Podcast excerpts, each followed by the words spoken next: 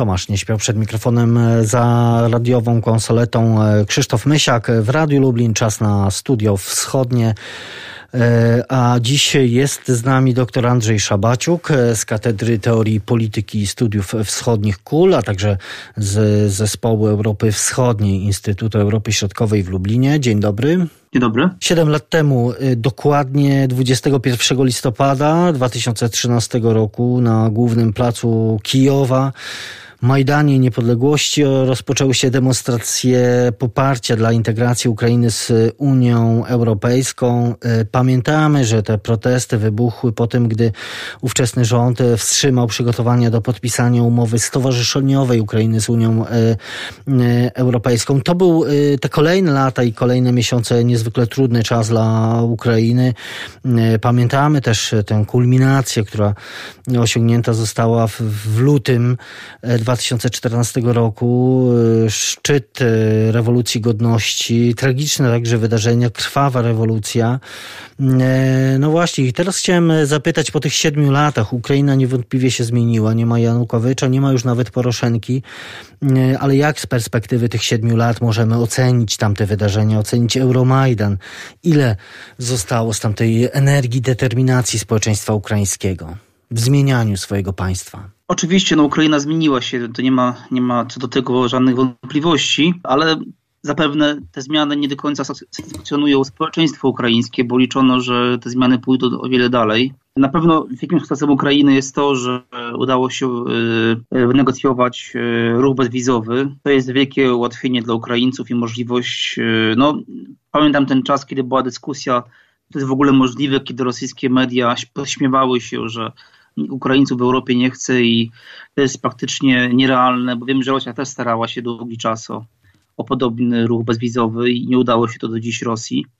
Więc no, jest wiele elementów, które oczywiście świadczą o tym, że Ukraina się zmieniła, ale problemem jest chyba to, że Ukraina jest państwem, gdzie dominuje oligarchia i ta oligarchia, ona często ma własne interesy, niekoniecznie zbieżne z interesem państwa i to sprawia, że no, te reformy postępują znacznie wolniej, bo ten, ten system, który funkcjonuje, on jest bardzo korzystny dla oligarchów i no, nie chcą chyba od, od niego odchodzić.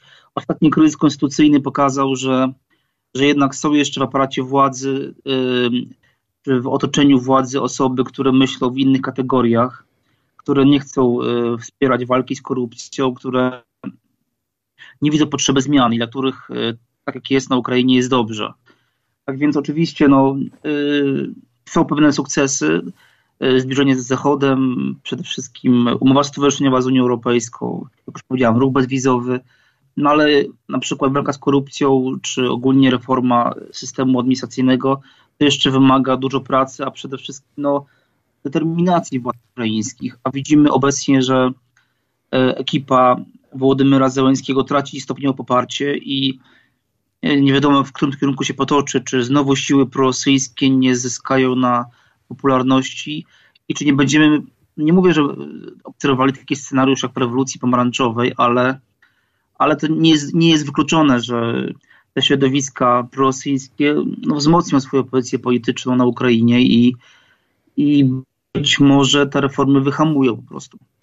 No właśnie, ta droga, y, którą poszła Ukraina. Y, no, w pewnym momencie ewidentnie prozachodnia i antyrosyjska, e, no ale dziś widzimy, że, że jest to droga wyboista bez wątpienia e, i co też war, warto odnotować e, i przypomnieć, naznaczona ofiarami na wschodzie kraju utratą także kontroli nad Krymem. Oczywiście, tak. Tutaj myślę, że jeśli chodzi o Krym, to w najbliższym czasie nie ma realnych możliwości, żeby Ukraina odzyskała Krym. Wszelkie próby uregulowania sytuacji na Donbasie też, y, no, jak wiemy, nie udały się. Y, Władimir Zełenski spoczynał y, swoją prezydenturę z takim dość odważnym, taką odważną deklaracją, że on zakończy wojnę, że uda się w końcu prowadzić do uregulowania sytuacji na wschodzie Ukrainy, ale jak wiemy, dalej giną tam ludzie, mimo zawieszenia broni. Y, nie udało się praktycznie nic y, poza wymianą jeńców przeprowadzić przez ten okres. Takie pomysły, y, szczyt paryski w formacie normandzkim, czy próby implementowania bliżej nieokreślonej formuły Steinmeiera, no, okazały się po prostu nieskuteczne. I to też po części wynika z tego, że Rosjanie nie mają zamiaru ustępować. Oni, oni oczekiwaliby, żeby Ukraina prowadziła zmiany daleko idące, także w konstytucji, które pozwolą uzyskać Donbasowi status powiedzmy autonomicznej części Ukrainy, też w pewnym sensie legitymizować samozwańczych przywódców republik na wschodzie Ukrainy.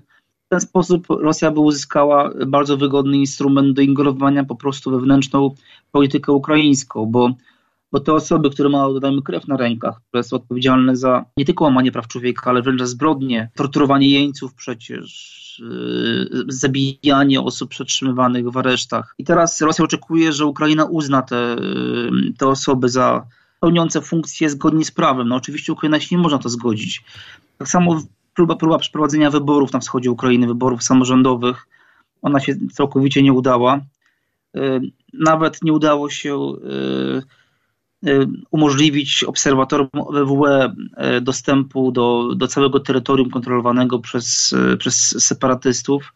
To pokazuje, no, że, że bardzo trudno się prowadzi rozmowy z Federacją Rosyjską i Federacji Rosyjskiej nie zależy na tym, żeby ta sytuacja została uregulowana, bo w ten sposób ona można powiedzieć, szantażuje czy szachuje Ukrainę i zmusza ją do, y, do ustępstw, chociaż na razie, jak widzimy, to jest nieskuteczne. Ukraina nie chce ustąpić, ale też to jest taki instrument uderzania w Ukrainę na arenie międzynarodowej, bo Sygiej Ławrow już nieraz y, o tym mówił na y, spotkaniach w formacie międzynarodowym, między innymi w ONZ, że winą za brak postępów na, na wschodzie Ukrainy należy, ta wina leży po stronie Ukrainy, bo Ukraina nie chce wprowadzić właśnie zmian prawnych, nie chce zmienić konstytucji, nie chce rozmawiać z separatystami, tak. E, więc e, no, Ukraińcy rozumieją, że początek rozmów z separatystami to jest tak naprawdę koniec, e, koniec pewnego etapu, który jest bardzo niebezpieczny, dlatego że wówczas de facto legitymizuje się te osoby i te osoby potraktowane jako partner. Do, do tej pory ten format normandzki czy porozumienia mińskie, one zakładały rozmowy z Rosją, czyli zakładano, że no, Rosja jest aktorem w, ty, w, tym, w tych wydarzeniach, bo tak faktycznie jest, bo to Rosja kontroluje, finansuje, utrzymuje te republiki separatystyczne, a kiedy Rosja wycofa się z tych rozmów, kiedy Rosja będzie takim, można powiedzieć, obserwatorem, rozjemcą, jak trochę obe, obecnie obserwujemy to w Górskim Karabachu, gdzie, gdzie Rosji e, oczywiście nie ma tam, e, nie było, nie było militarnie przez długi czas, ale Rosjanie wykorzystywali ten konflikt, żeby, żeby z jednej strony naciskać na Azerbejdżan, z drugiej strony na Armenię oczywiście. Tutaj mamy podobną sytuację. No, ten, ten y, zamrożony konflikt na wschodzie Ukrainy będzie takim instrumentem wygodnym dla Rosji, bo kiedy Ukraina będzie zbyt zbyt y, skręcała na zachód, wówczas ten konflikt może na zawsze rozniecić, rozpalić, żeby pokazać Ukraińcom, że, że jeszcze jest instrument, który może zmusić Ukraińców do, do ustępstw. Y, Rosja y, w sprawie Ukrainy jest y, mm, ważnym elementem, nie mniej ważnym elementem czy, czy graczem rozgrywającym jest także na Białorusi, do której teraz chciałbym się przenieść przenieść e, na Białorusi, gdzie, gdzie już od e, ponad 100 e, dni trwają protesty przeciwko mm, władzy Aleksandra Łukaszenki.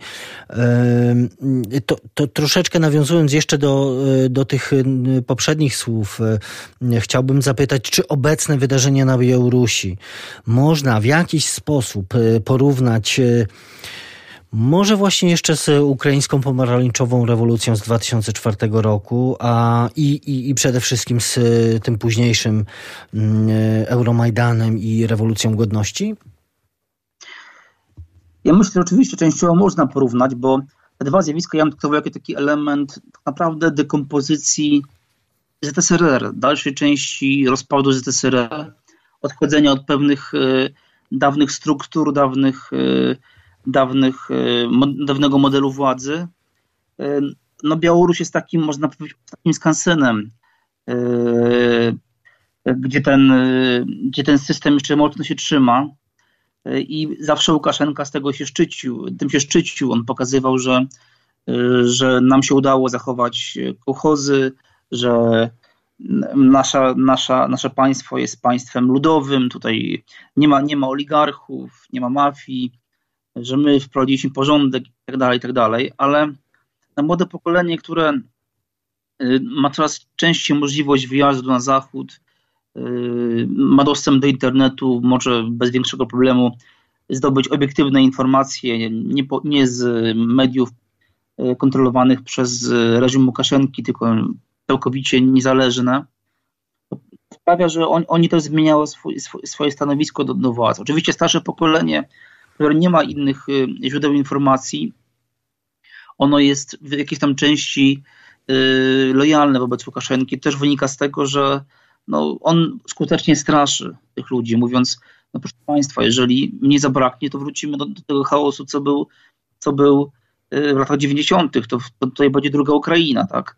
I do starszych ludzi to przemawia, bo oni pamiętały te czasy, kiedy nie były wypłacane emerytury na czas, kiedy nie były wypłacane pensje na czas, kiedy nie można było nic kupić w sklepach, bo były puste po prostu. Ale z drugiej strony jednak te protesty nie mają takiego charakteru antyrosyjskiego. To też jest... Y, nie zawsze zdaje się y, Europa Zachodnia to y, rozumie, przypisując tym, tym wydarzeniom właśnie taką antyrosyjską łatkę, co w przypadku, powiedzmy, o ile to w przypadku Ukrainy w dużej mierze się potwierdzało, zgadzało, natomiast w przypadku Białorusi takiego e, prostego przełożenia nie ma. Tak, to jest klucz do tego, dlaczego te, te protesty trwały długo, bo wcześniej jednak one miały taki wymiar y, no, bardziej antyrosyjski, mówię o latach wcześniejszych, i ta opozycja była jednoznacznie prozachodnia. Teraz widzimy, że ona jest bardziej zbalansowana i przede wszystkim jest ten protest wymierzony z samego Łukaszenkę.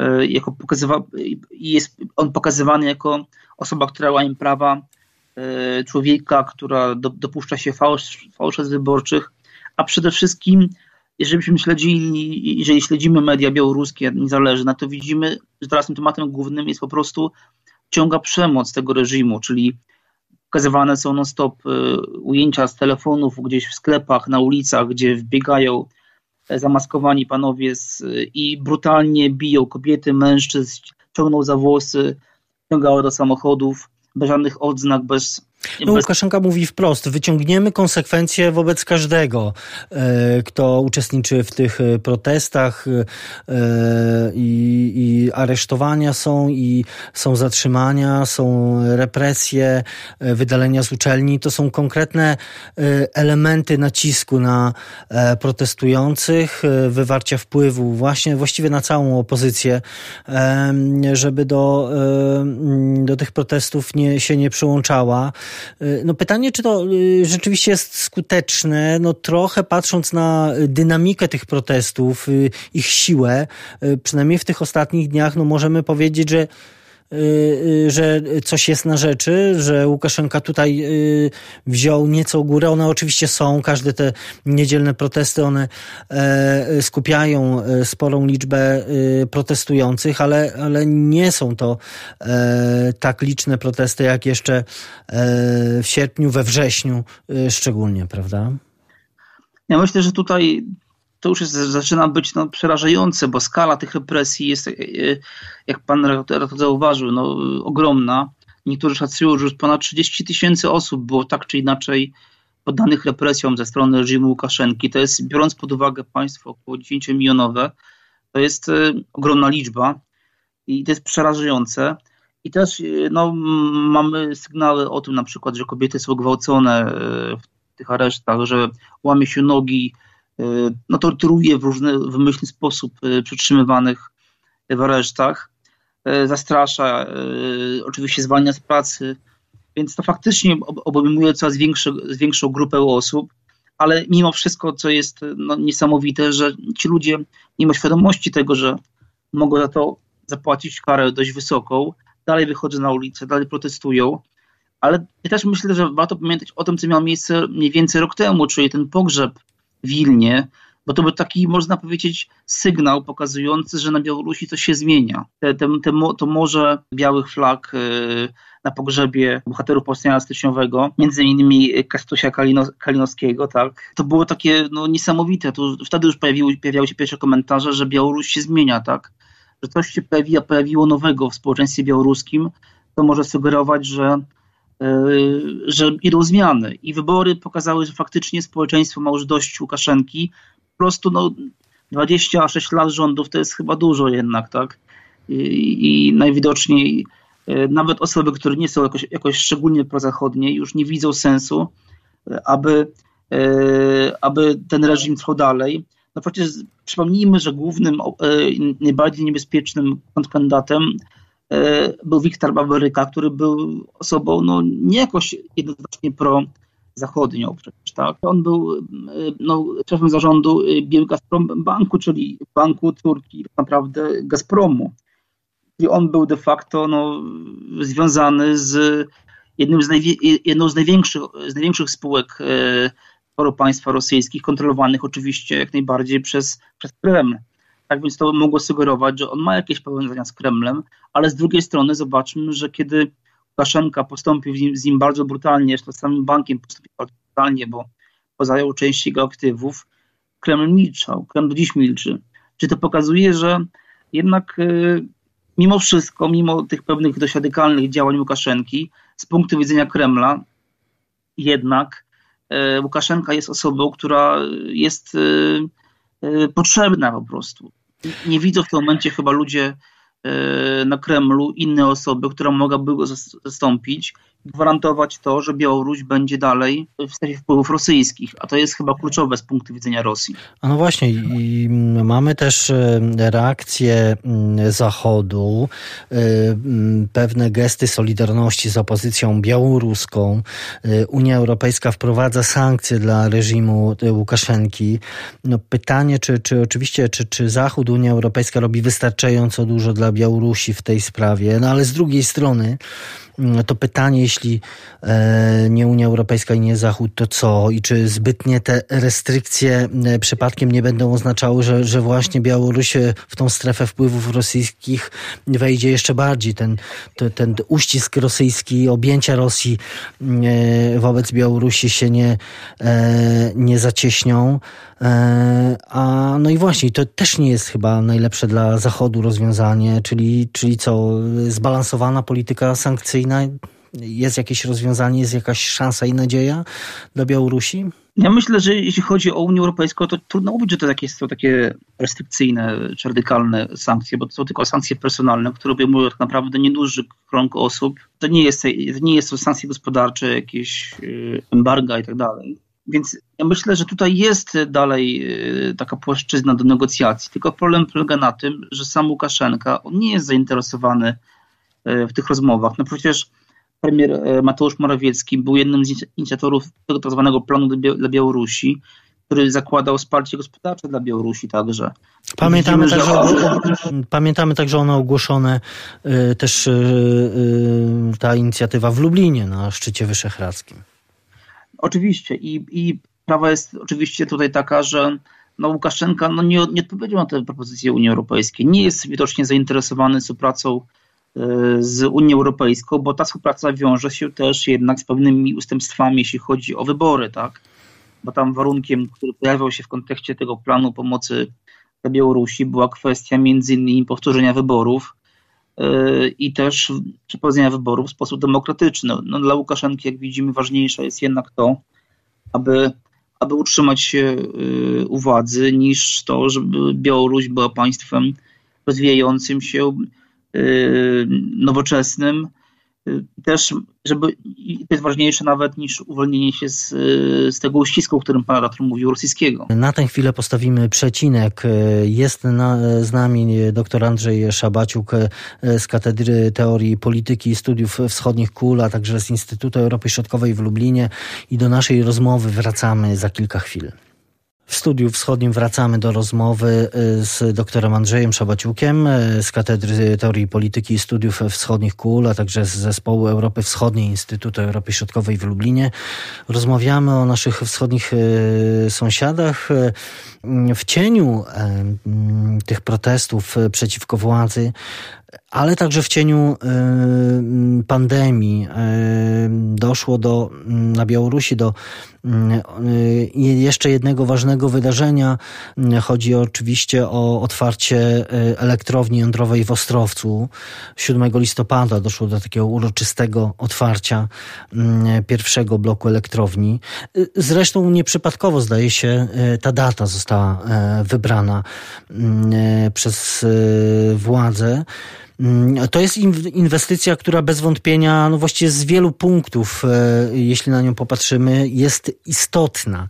E, w komentarzu dla Instytutu Europy Środkowej pisze pan, że e, ma ona kluczowe znaczenie z punktu widzenia białoruskiego sektora energetycznego, ale też pogłębia uzależnienie gospodarcze i polityczne Białorusi od Rosji, no i oczywiście też e, wywiera ogromny wpływ na relacje z sąsiadami. Mówimy tutaj o, o Polsce, o Litwie. Dlaczego?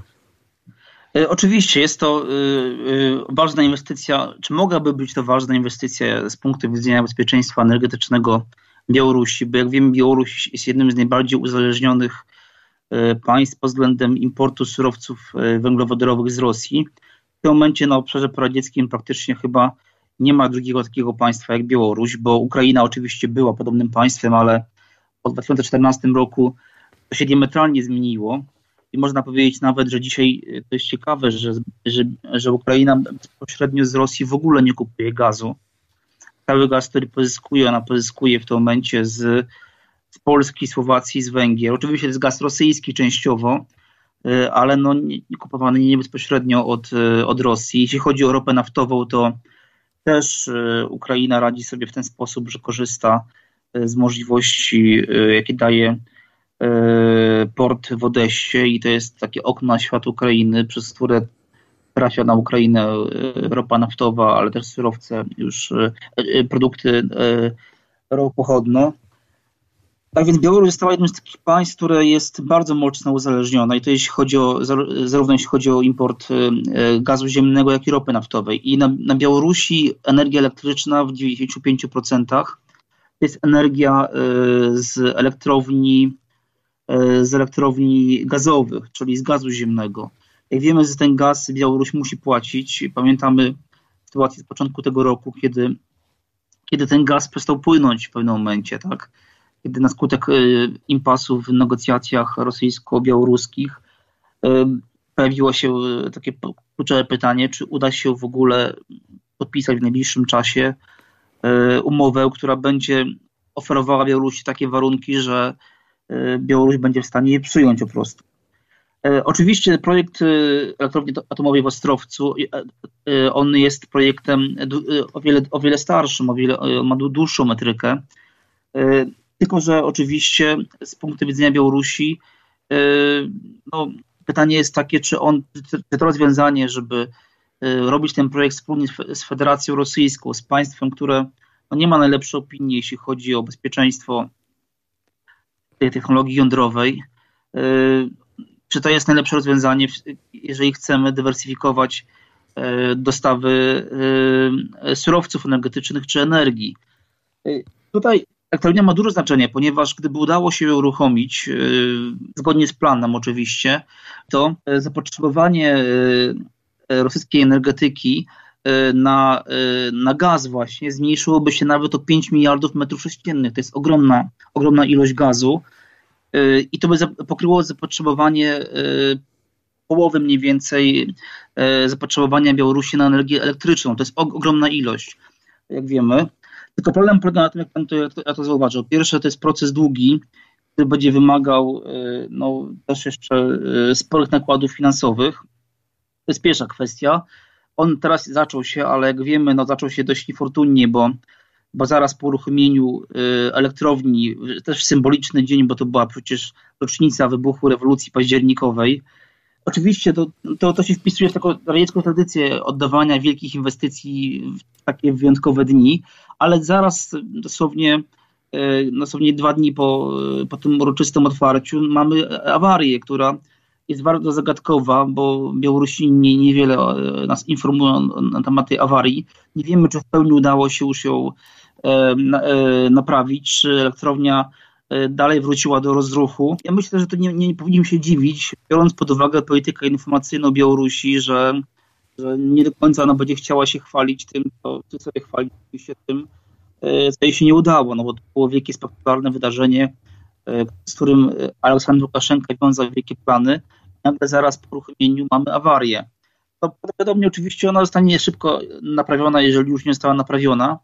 E, i ten proces uruchamiania tego pierwszego bloku, który jest planowany, jego zakończenie planowane jest mniej więcej na kwiecień przyszłego roku, on się zakończy i jeżeli by on przeszedł bez żadnych problemów większych, to wówczas ta elektrownia byłaby w stanie pokryć, ten pierwszy blok elektrowni były w stanie pokryć mniej więcej 20% zapotrzebowania Białorusi na energię elektryczną.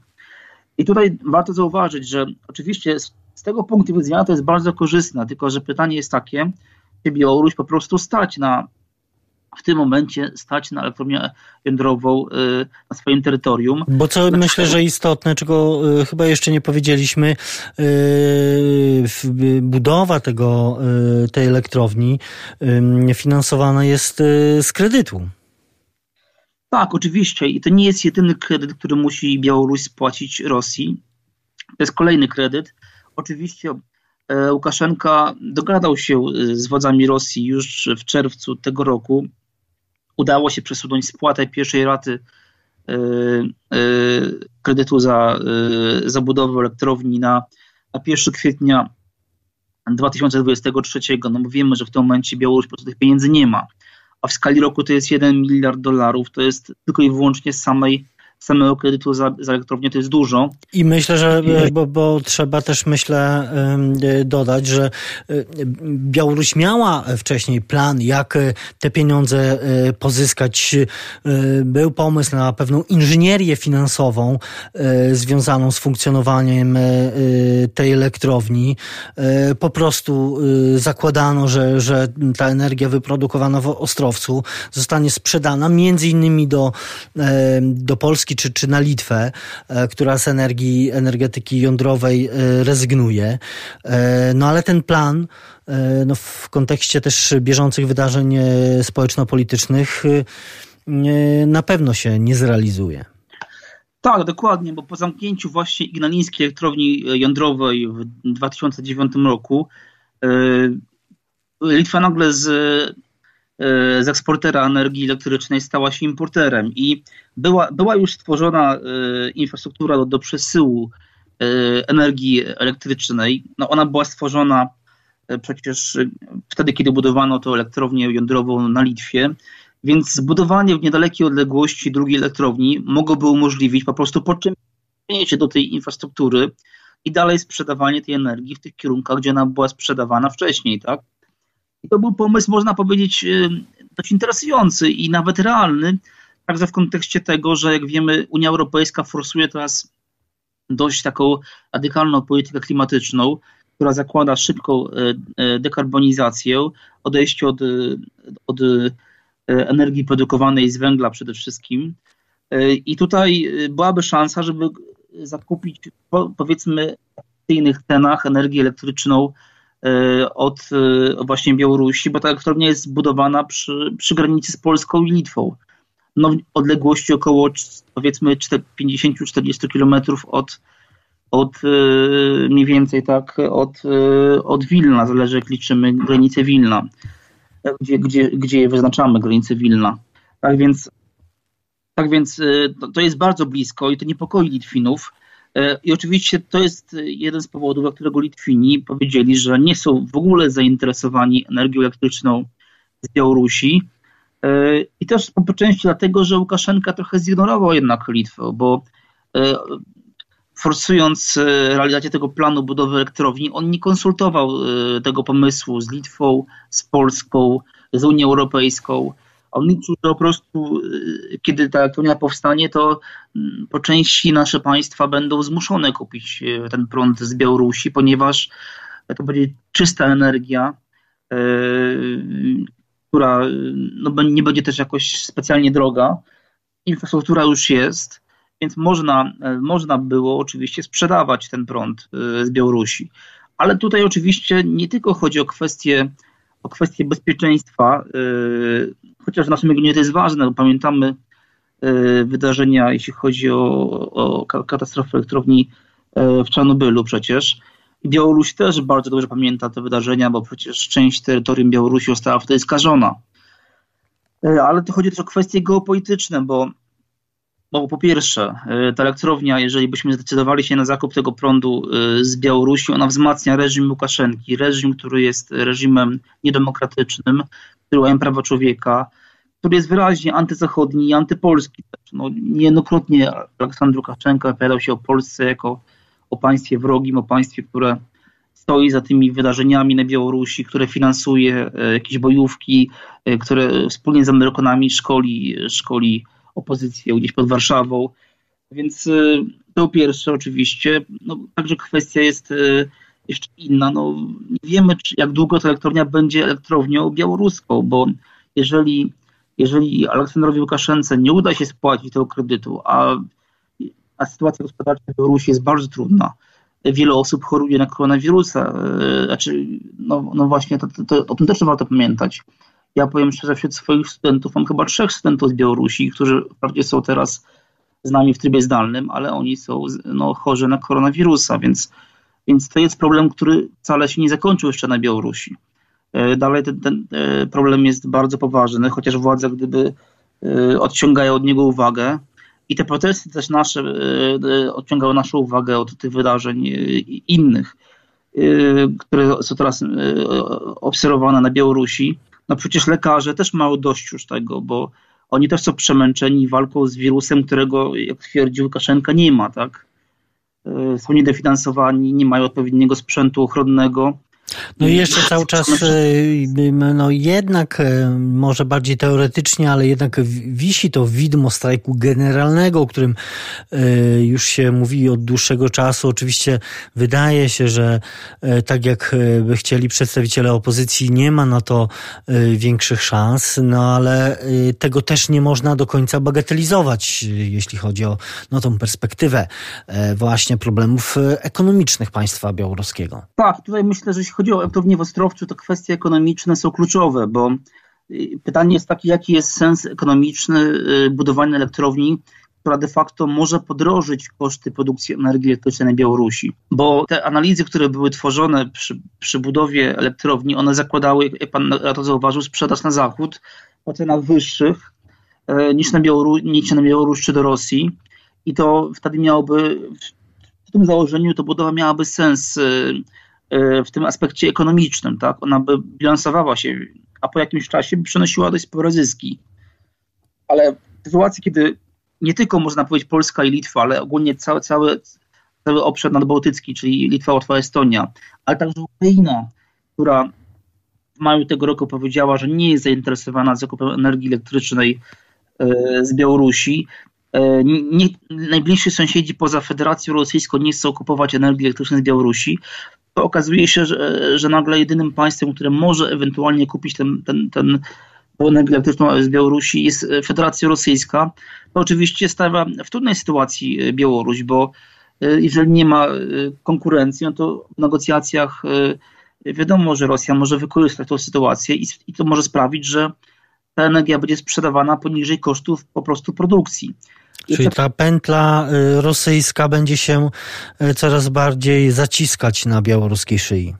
Oczywiście, no problem polega na tym, że jeżeli nie uda się w międzyczasie znaleźć odbiorców na tą energię, albo te ceny energii będą bardzo, bardzo, yy, bardzo niskie, to być może ten drugi blok w ogóle nie będzie uruchomiony. I wtedy kredyt zostanie do spłaty, a elektrownia nie będzie przynosiła yy, zysków, i pojawia się pytanie, co dalej zrobić e, z, to, z, taką sytuacją. Wiemy, że już wcześniej, na przykład z doświadczeń wcześniejszych, po kryzysie finansowym 2008 roku, kiedy Białoruś miała problemy ze spłatą kredytów rosyjskich, to wtedy Rosja musiła na Białorusi sprzedaż rurociągów, którymi transportowany jest gaz między innymi na zachód. I te rurociągi w tym momencie nie są już rurociągami białoruskimi. Wie, czy, czy ta elektrownia, jeżeli ona uderzy bardzo mocno w sytuację gospodarczą Białorusi poprzez to, że no, spłata kredytu plus produkcja energii elektrycznej z elektrowni będzie nieopłacalna, nie sprawi tego, że na przykład Rosjanie y, po pierwsze przejmą tą elektrownię, ale przy okazji jeszcze na przykład rafinerie białoruskie, ewentualnie inne strategiczne przedsiębiorstwa, po prostu za długi, które rosną cały czas, y, jeśli chodzi o Białoruś, a kryzys wywołany COVID-19, pandemią COVID-19 i też ogólnie trudna sytuacja w regionie, która jest konsekwencją między innymi niskich cen ropy naftowej, to może spowodować, że, że Białoruś no, no będzie potrzebowała wsparcia. A polityka Białorusi wobec opozycji, wobec wobec Zachodu powoduje, że ona się sama izoluje, jest skazana, sama się skazała na współpracę z Rosją. Bo przecież, jak powiedziałam, Zachód wyciągnął do niej rękę, Zachód złożył jej propozycję pomocy. Oczywiście ona nie była konkretna, ona nie była dopracowana, ale gdyby był jakiś sygnał y, z Białorusi, że y, chcemy prowadzić rozmowę na ten temat, ja myślę, że taki, taki, taki pomysł byłby, y, byłby dopracowany bardzo szybko i, i ten projekt wsparcia dla Białorusi byłby korzystny dla Białorusi. Czy taki scenariusz jest y, realny? Czy możemy się spodziewać y, jakiejś zmiany strategii, stanowiska sąsiadów i Unii Europejskiej właśnie dla Białorusi w tej sprawie?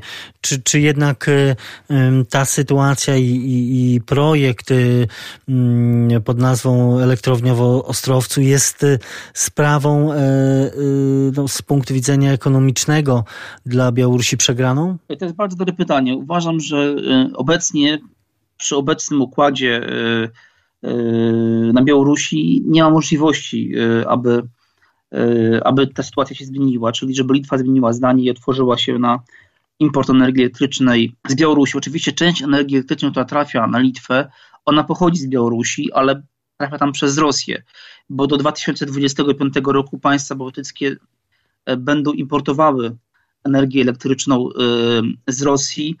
Y, takie małe założenie, taki plan. No ale wiemy, ponieważ... że potem przechodzą na ten europejski y, system przesyłu. Tak, tak, tak, dokładnie. Ale tutaj też warto podkreślić, że ta elektrownia, ona się, ona z nazwy w sumie jest białoruska. Ale jeśli chodzi o technologię, o finansowanie, o obsługę, to w ogromnej większości jest ona tak naprawdę rosyjska. Więc kto wie, czy ta nazwa białoruska na skutek pewnych perturbacji gospodarczych nie zmieni się.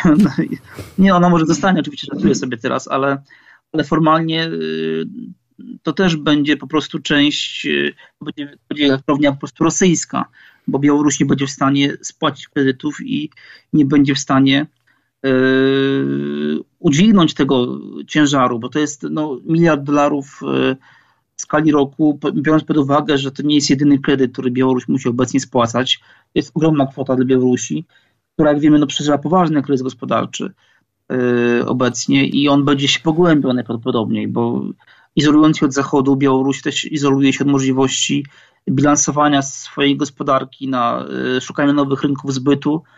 Yy, i też, no, jak powiedziałem, największy problem dla Białorusi obok elektrowni Y, która może być nierentowna, elektrowni jądrowej w Ostrowcu, jest kwestia też niskich cen ropy naftowej, bo to sprzedaż produktów ropopochodnych z dwóch dużych rafinerii białoruskich była głównym źródłem y, dochodów budżetowych Białorusi. I obecnie na skutek tej sytuacji one się bardzo skurczyły i nie wiadomo w jaki sposób Białoruś zastąpi tą dziurę, która powstała, y, załata tą dziurę, która powstała w konsekwencji właśnie E, tej sytuacji. No i to jest e, pytanie do e, Aleksandra Łukaszenki. Tak naprawdę czas pokaże, jak ten projekt będzie się rozwijał. Tymczasem bardzo dziękuję za dzisiejsze spotkanie. Dr Andrzej Szabaciuk z Katedry Teorii Polityki i Studiów Wschodnich KUL, a także z Zespołu Europy Wschodniej Instytutu Europy Środkowej w Lublinie. Był gościem Studia Wschodniego. Bardzo dziękuję za rozmowę. Dziękuję, do widzenia. I to wszystko w naszym programie na dzisiaj. Za uwagę dziękuję Tomasz Nieśpiał i Krzysztof Mysiak. Studio Wschodnie wraca na antenę Radia Lublin za tydzień. Do usłyszenia w następną niedzielę po godzinie 14.